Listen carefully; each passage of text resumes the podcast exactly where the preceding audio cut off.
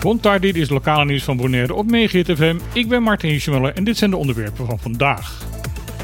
Na lange tijd te zijn geconfronteerd met de steeds verder oplopende prijs van de Elektra, is daar nu eindelijk een kentering in gekomen. De autoriteit Consumenten en Markt heeft gemeld dat de tarieven per 1 juli omlaag kunnen. De ACM vermeldt daarbij dat deze daling mogelijk is omdat wereldwijd de prijs van de fossiele brandstof omlaag zijn gegaan. Afgelopen tijd was het tarief op Bonaire voor Elektra 43 cent per kilowattuur. Door een subsidie van de overheid hoeft de consument maar 39 cent te betalen. Dit tarief daalt op 1 juli naar 35 cent per kilowattuur. Daarmee vervalt de subsidie van de overheid, zodat dit ook een bedrag is dat de consument zal moeten gaan betalen. De subsidie op vastrecht voor de distributie van elektra op het eiland blijft wel van kracht. Het is afgesproken met de regering in Den Haag dat de bewoners van Caribisch Nederland dit vastrecht in elk geval tot eind van dit jaar niet hoeven te betalen. Voor de tweede keer deze week heeft waarnemend gezaghebber Nol Eliana zich genoodzaakt gevoeld om in een verklaring kalmerende en waarschuwende woorden te spreken. Was het de eerste keer over een illegaal opgang regenboogvlag? Dit keer ging het over de verontwaardiging die is ontstaan nadat een vissersboot verbrand en volledig vernield is teruggevonden. De geruchten gaan dat dit vandalisme is veroorzaakt door oneenigheid tussen personen. Volgens Oliana is het onderzoek van de politie naar de werkelijke toedracht van het incident echter nog in volle gang. De afdeling forensische opsporing heeft op de plek zelf bewijsmateriaal verzameld en de boot is uit water gehaald voor verder onderzoek. De gezaghebber verzekert in zijn persverklaring dat de daders gestraft zullen worden. Wat ook de oorzaak of de reden mag zijn, vernielen van andermans eigendommen is gewoon strafbaar. Daarnaast waarschuwt Oliane dat voor eigen recht spelen ook een strafbaar feit is en niet getolereerd zal gaan worden. Hij raadt daarom iedereen aan rustig te blijven en het resultaat van het politieonderzoek af te wachten. Over de rechtshandhaving binnen Caribisch Nederland zijn zowel positieve als negatieve dingen te zeggen. Dat is de conclusie van de Raad voor de Rechtshandhaving in haar jaarlijks verslag over de Cariben.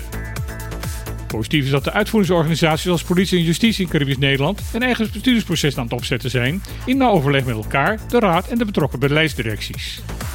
Versterkt verbeterde samenwerking tussen Politiekorps Caribisch Nederland en het ministerie van Justitie en Veiligheid is daar een goed voorbeeld van. Veel minder tevreden is de Raad over de flinke hoeveelheid toezegging dat datzelfde ministerie heeft gedaan die niet blijkt te zijn nagekomen. De Raad pleit al langere tijd voor een betere sturing door de minister van Justitie en Veiligheid.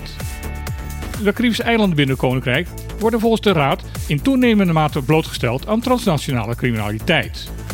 Daarnaast zijn de BES-eilanden extra kwetsbaar door de enorme bevolkingsgroei. De laatste 10 jaar is de bevolking van Bonaire bijvoorbeeld met 40% toegenomen en het eind daarvan is nog niet in zicht. Het ministerie moet volgens de Raad veel meer het voortouw nemen om tot een betere samenwerking te komen. Het jaarverslag vermeldt daarbij dat de minister van Justitie en Veiligheid wetenschap heeft beloofd. Het Wereld Natuurfonds stelt extra financiële middelen beschikbaar voor innovatieve projecten, zowel binnen Europees Nederland als daarbuiten. Daarmee zijn deze gelden ook beschikbaar voor de Caribische eilanden en Suriname.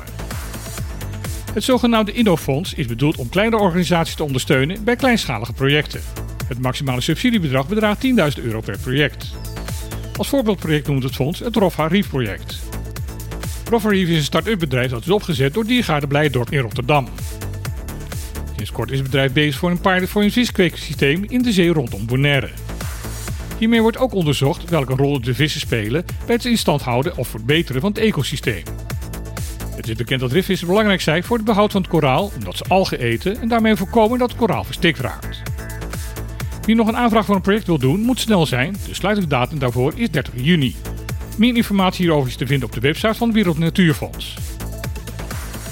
Dit was weer het lokale nieuws van deze dag op Megahit FM. Ik wens iedereen vandaag een algevrije dag toe. En dan heel graag weer. Tot morgen.